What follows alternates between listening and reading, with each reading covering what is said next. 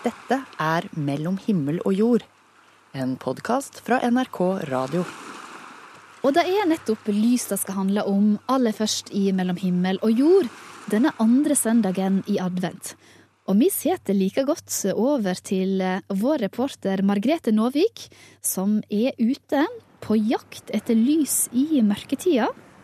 Ja, og vet du hva, Camilla? Vi er, vi er litt på utur med tida, du og jeg. Fordi her nede i Trondheim sentrum er det nemlig torsdag tidlig på morgenen. Det er fortsatt mørkt. Og som alle sikkert skjønner da, det her er et opptak. Ut så er det fuktig og kaldt, og nå sitter jeg i et rom som er for den som leter etter lyset, tror jeg vi kan si. Eh, midt i Vår Frue kirke så ligger det et kors av brustein på gulvet, og oppå her masse telys. Og her starter hver eneste dag med lystenning. Akkurat nå er det ingen lys som er tent her, da. Men eh, i går må det ha vært litt av et syn, for eh, det vi hører her, er to damer som samler sammen alle utbrente lysene fra i går. Det var mange. Kommer det noen hver dag, eller? At det er lys, ja. Ja. Å ja. Jeg tror det betyr litt for folk. Hva syns du det betyr å ha lys? Jeg syns du det eh, har noe du tenker på Jeg tror det betyr en stille stund. I en, stre en stressa hverdag så er det litt hyggelig. Ja, det folk? Masse folk. er du som er lystenner, eller? Så, du, så, du så ut som du tok litt ansvar når du gikk foran her. Ja, jeg har med å vise hva hvordan de setter på lyset her i kirka. Ja. Pluss eh, pluss, eh, mye annet rart som jeg gjør i kirka her, som er litt sånn hokus pokus. OK. Hva som skjer om morgenen her, kan du si det? Ja, det er, det er vel eh, da en bønn her på morgenen. Så da er det, leser de bønna først. Så er det romfolket som skal tenne lyset. Så skal de bære det derfra opp til da steinkorset vårt. Ja. Brusteinskorset som Ja. ligger foran på gulvet her i kirka. Ja. Mm. Bruker du å tenne lys, du òg? Eh, Ikke per dags dato, nei. Eh, Du bare ordner, du. ja. Hvorfor tror du folk er så opptatt av å tenne lys, da? Hva er det med det?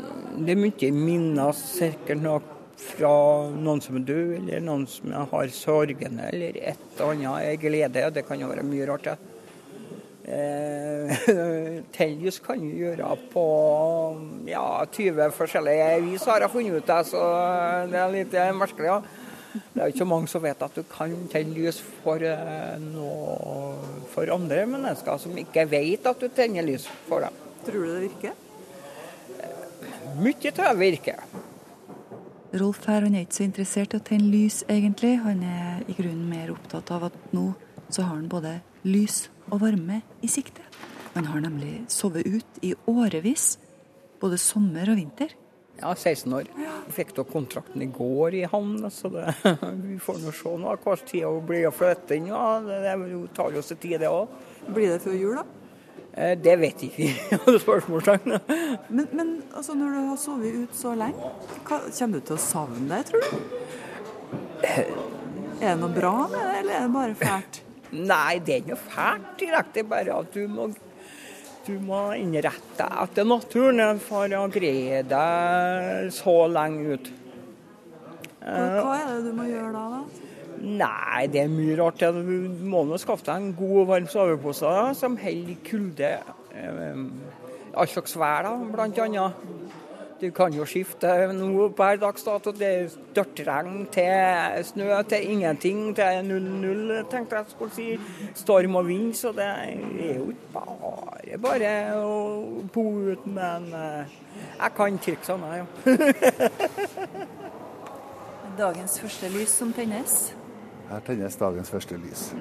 Er du her hver dag, eller? Nei, ikke hver dag, men ofte er jeg her. Jeg er ansatt i Kirkens Bymisjon. Hva betyr det for deg da, å tenne lys her? Det blir fint. Og så er det veldig godt av og til sjøl å kunne ha en eh, stille stund. Det. går det noen tanker gjennom hodet da, eller er det hva som skjer når du tenner lyset? Altså, kan jo kanskje bli litt blasert, vi som, som jobber i Frukirka ganske ofte. Så, Det blir litt hverdagslig dette òg, liksom?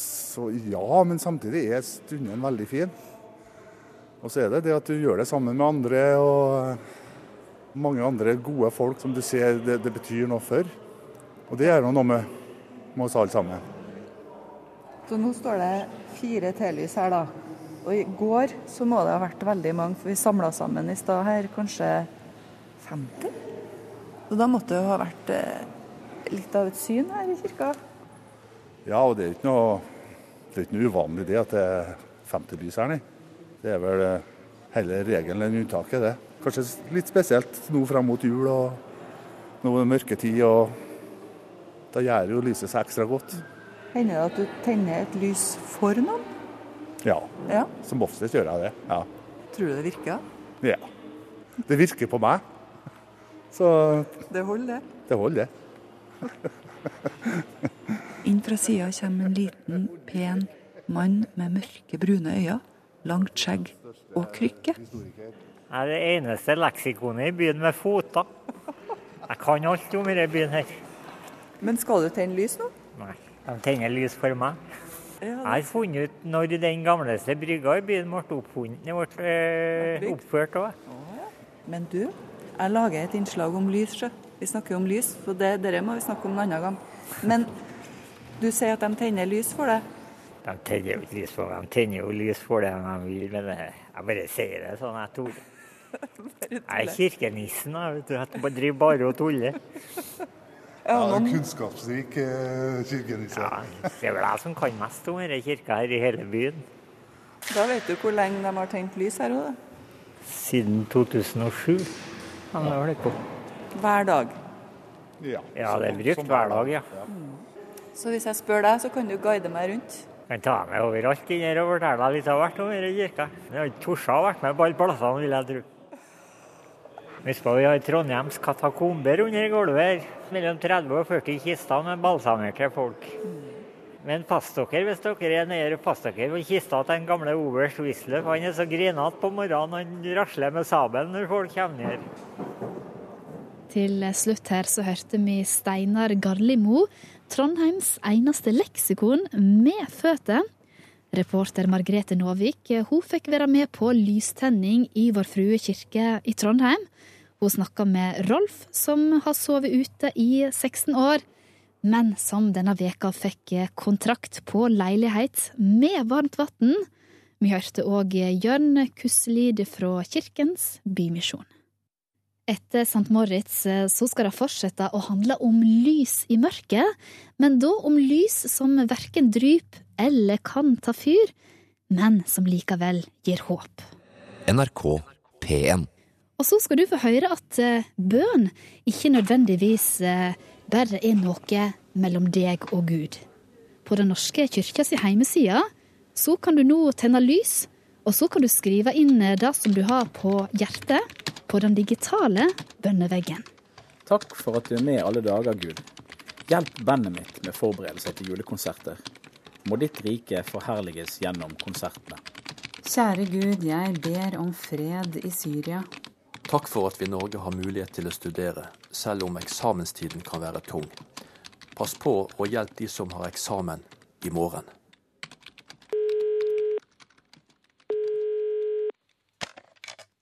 Hei, Ingeborg Dybvig. Hei, hei. Du er kommunikasjonsdirektør i Kirkerådet. Og hva er egentlig en digital bønnevegg? Det er et sted der det er mulig å be en bønn, eller takke for noe, eller tenne et lys. Men forskjellen fra det man gjør i kirkerommet, er at uh, her gjør man det digitalt. Noen eh, få tastetrykk, og så ligger det du har på hjertet på nettet. Ærlig, usminka og anonymt. Og per dags dato så ligger det 300 digitale lys og bønner på Den norske kyrkja si heimeside. Dette er et tilbud til alle som har lyst til å dele tro eller tanker eller undring. Og vi setter jo ingen grenser for hva man kan be om eller takke for. Har du vært inne og sett eh, i det siste? Det har jeg, og det jeg ser er jo at eh, det er mange ulike bønner. Eh, noen dager nå så har det vært eh, en del preget av nyhetsbildet. Det er mange, mange som ber for, eh, flyktninger og asylsøkere og for situasjonen i Syria. Og det som, det som opptar oss rent nyhetsmessig. Jeg ber for de stakkars menneskene i Aleppo. Takk Gud for at vi lever i et fritt og demokratisk land. Gi politikerne vi har valgt mot til å fatte kloke beslutninger. Hjelp dem til å unngå kortsiktige, lettvinte løsninger. Men det er også helt personlige bønner, f.eks. bønner for en bror som sliter med rusproblemer. Det er takk for eh, adventstid og for eh, gode dager. Så det er stor variasjon. Takk for at jeg er eh, velsigna med gode venner. Jeg ber om at alle eldre skal få en verdig avslutning på livet. Gud velsigne alle som gir livsmot og glede i hverdagene. Det vi ser er jo at uh, stadig flere av oss vi bruker jo uh, mye tid på nett. Og vi ordner masse praktisk der, og vi både forventer og på mange vis krever at vi skal kunne, kunne gjøre mye på nett. Uh, så sånn sett så er dette et resultat av den utviklingen vi ser generelt. Men vi ser også at det som vi da kaller et digitalt kirkerom, det vokser. Kirken er aktiv på Facebook. Vi får stadig flere følgere der. Og vi får mange spørsmål og henvendelser som handler om nettopp tro og tvil og uh, undring. Og, og, det å da kunne utvide dette digitale kirkerommet for de som kanskje ikke vil eller ikke kan gå i kirken, med at de også kan be en bønn og tenne et lys på en eh, digital bønnevegg, det tror vi er et fint tilbud. Men så er det noen også som kan si det at, at bønn det er jo noe som er mellom deg sjøl og Gud. Ja, og det, det, er det jo. Men samtidig så, så, er det som man kan en, på en gudstjeneste eller i et kirkerom være med på felles bønn, og dermed være med på et, et fellesskap i det, så tror vi at det å kunne dele en bønn, altså vise den fram og gjøre sånn at vi andre kan være med og be den også, at det kan være noe som oppleves godt for mange. Kjære Far i himmelen, la noen oppdage mi ensemd. Kjære Gud, jeg ber for jorda vår. Lær menneskene å forvalte den klokt og bærekraftig. Jeg tenker at det viser, eller det speiler hva folk er opptatt av. Og for meg så er det ganske sterkt å lese det, og det er også veldig fint fordi at jeg syns det synliggjør at vi har et veldig stort fellesskap av både glade og redde og urolige og lykkelige mennesker. Og at vi kan ha dette fellesskapet også på en sånn digital bønnevegg. Jeg ber om at alle får en god adventstid. Ja, og da ønsker jeg det noe mange som har nettopp nå. I reportasjen så hørte vi Ingeborg Dybvig, kommunikasjonsdirektør i Kirkerådet. Jeg heter Mahmoud Farman. Jeg er talsperson for LIM og jobber i Jernbaneverket.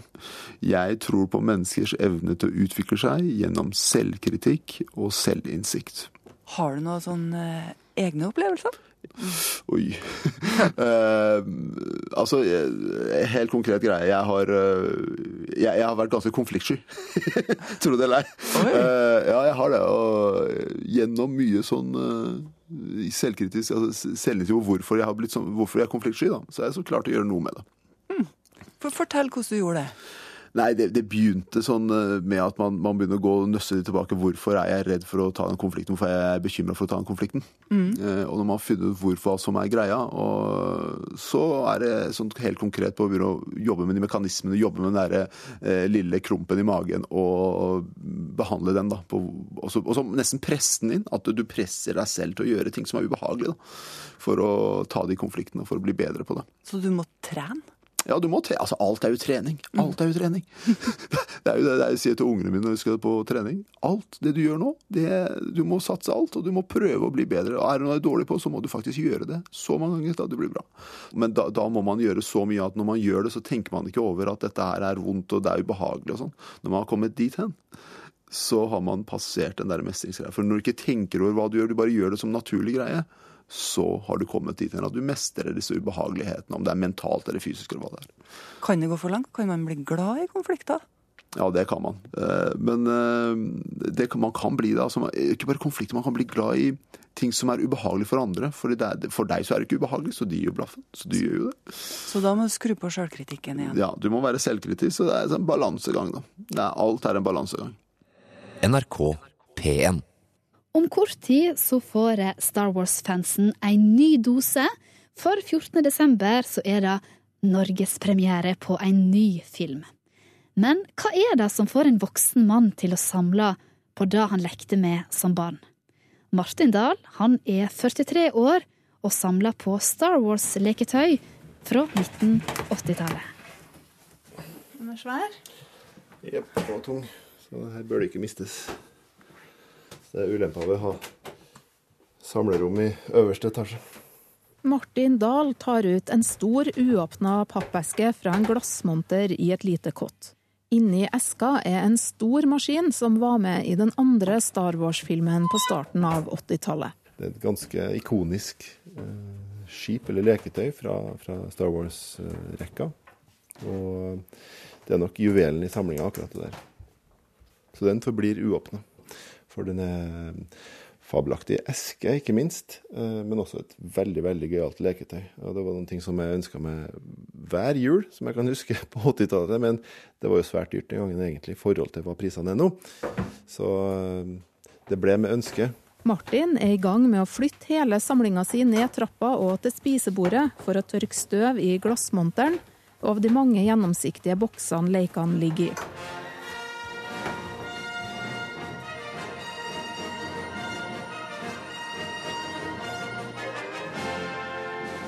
Som barn var Martin fascinert av kampen mellom det gode og onde i filmene, og lekte med figurer, lysverd og kjøretøy fra Star Wars-universet mens han venta på neste film. Men i dag er lekene fra barndommen borte vekk. Det var rett og slett fordi jeg oppdaga eBay for 15-16 år siden. Og så tenkte jeg at her kan man få solgt alt mulig slags skrot og ræl. Og jeg hadde ikke den interessen for Star Wars, i hvert fall ikke samling, som jeg har i dag. Eh, Så da rett og slett, jeg var på et annet punkt og interessenivå i livet, så da tenkte jeg at da var det raske penger, og da gikk hele barndomssamlinga mi eh, åt skogen. Hvordan føles det å kvitte seg med noe du angrer på? Ikke bra. Og det er kanskje det er en del av det som motiverer meg også for å samle nå, da. Som en slags regresjon, eller for å ta igjen det, det tapte. Eh, Så, så kanskje derfor jeg har det som en av hovedmotivasjonene bak å samle. Prøve å få igjen det jeg en gang hadde. I en skuffe på kjøkkenet leter Martin etter noe å tørke støv av samlinga med. Spisebordet er fullt av store og små gjennomsiktige bokser med figurer som alle ligger i uåpna emballasje.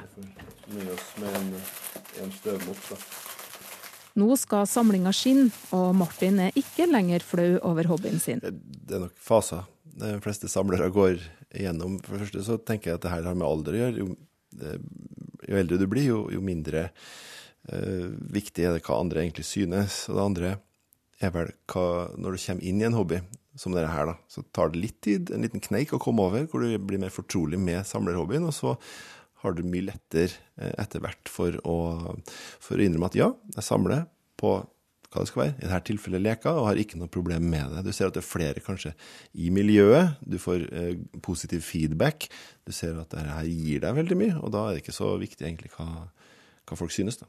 Du kalte det guilty pleasure sjøl. Ja, det er egentlig et tåpelig uttrykk, egentlig. Det, det er jo noen ting Det reflekterer jo noe at andre Uh, andres mening har egentlig en betydning som påfører deg en slags skam, da.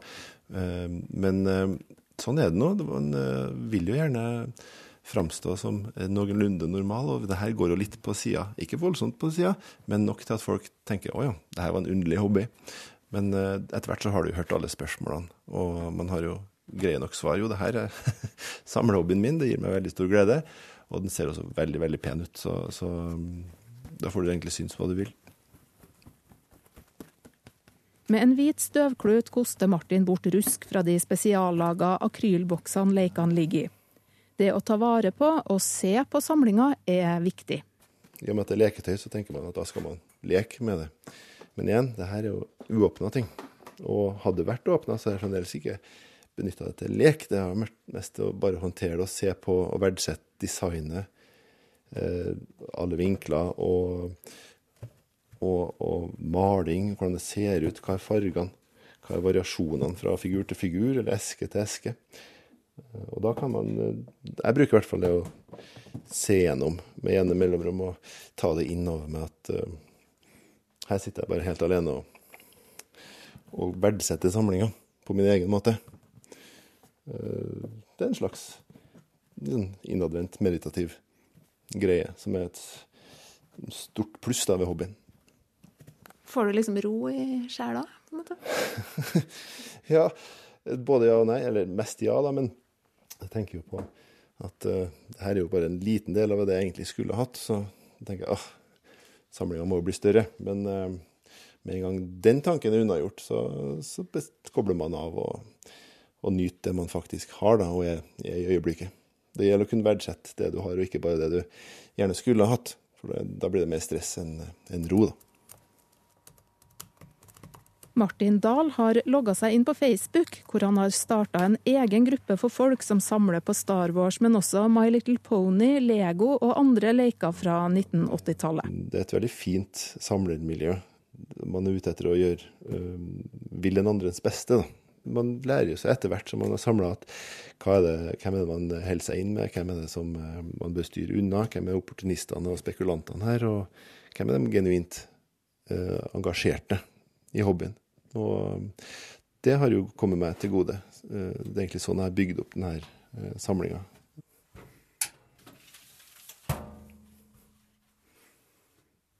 Martin fjerner støvet i glassmonteren i kottet, for det er på tide å legge samlinga på plass igjen. Nå ser jeg dem ikke egentlig før til, til våren igjen. Tung nå, vet du. tilbake i skapet. Den store eska er på vei opp til loftet igjen. Navigerer vi det forsiktig inn. Satser på at det ikke knuser noen ting, og det ser like bra ut som Eller bedre, da, som det tok det ut av skapet. Så igjen med døra. Fabelaktig. Fabelaktig. Martin Dahl er 43 år og samler på Star Wars-leker fra 80-tallet. Og kollega Lise Sørensen var så heldig at hun fikk komme hjem og se på figurene hans. Hør flere podkaster på nrk.no podkast.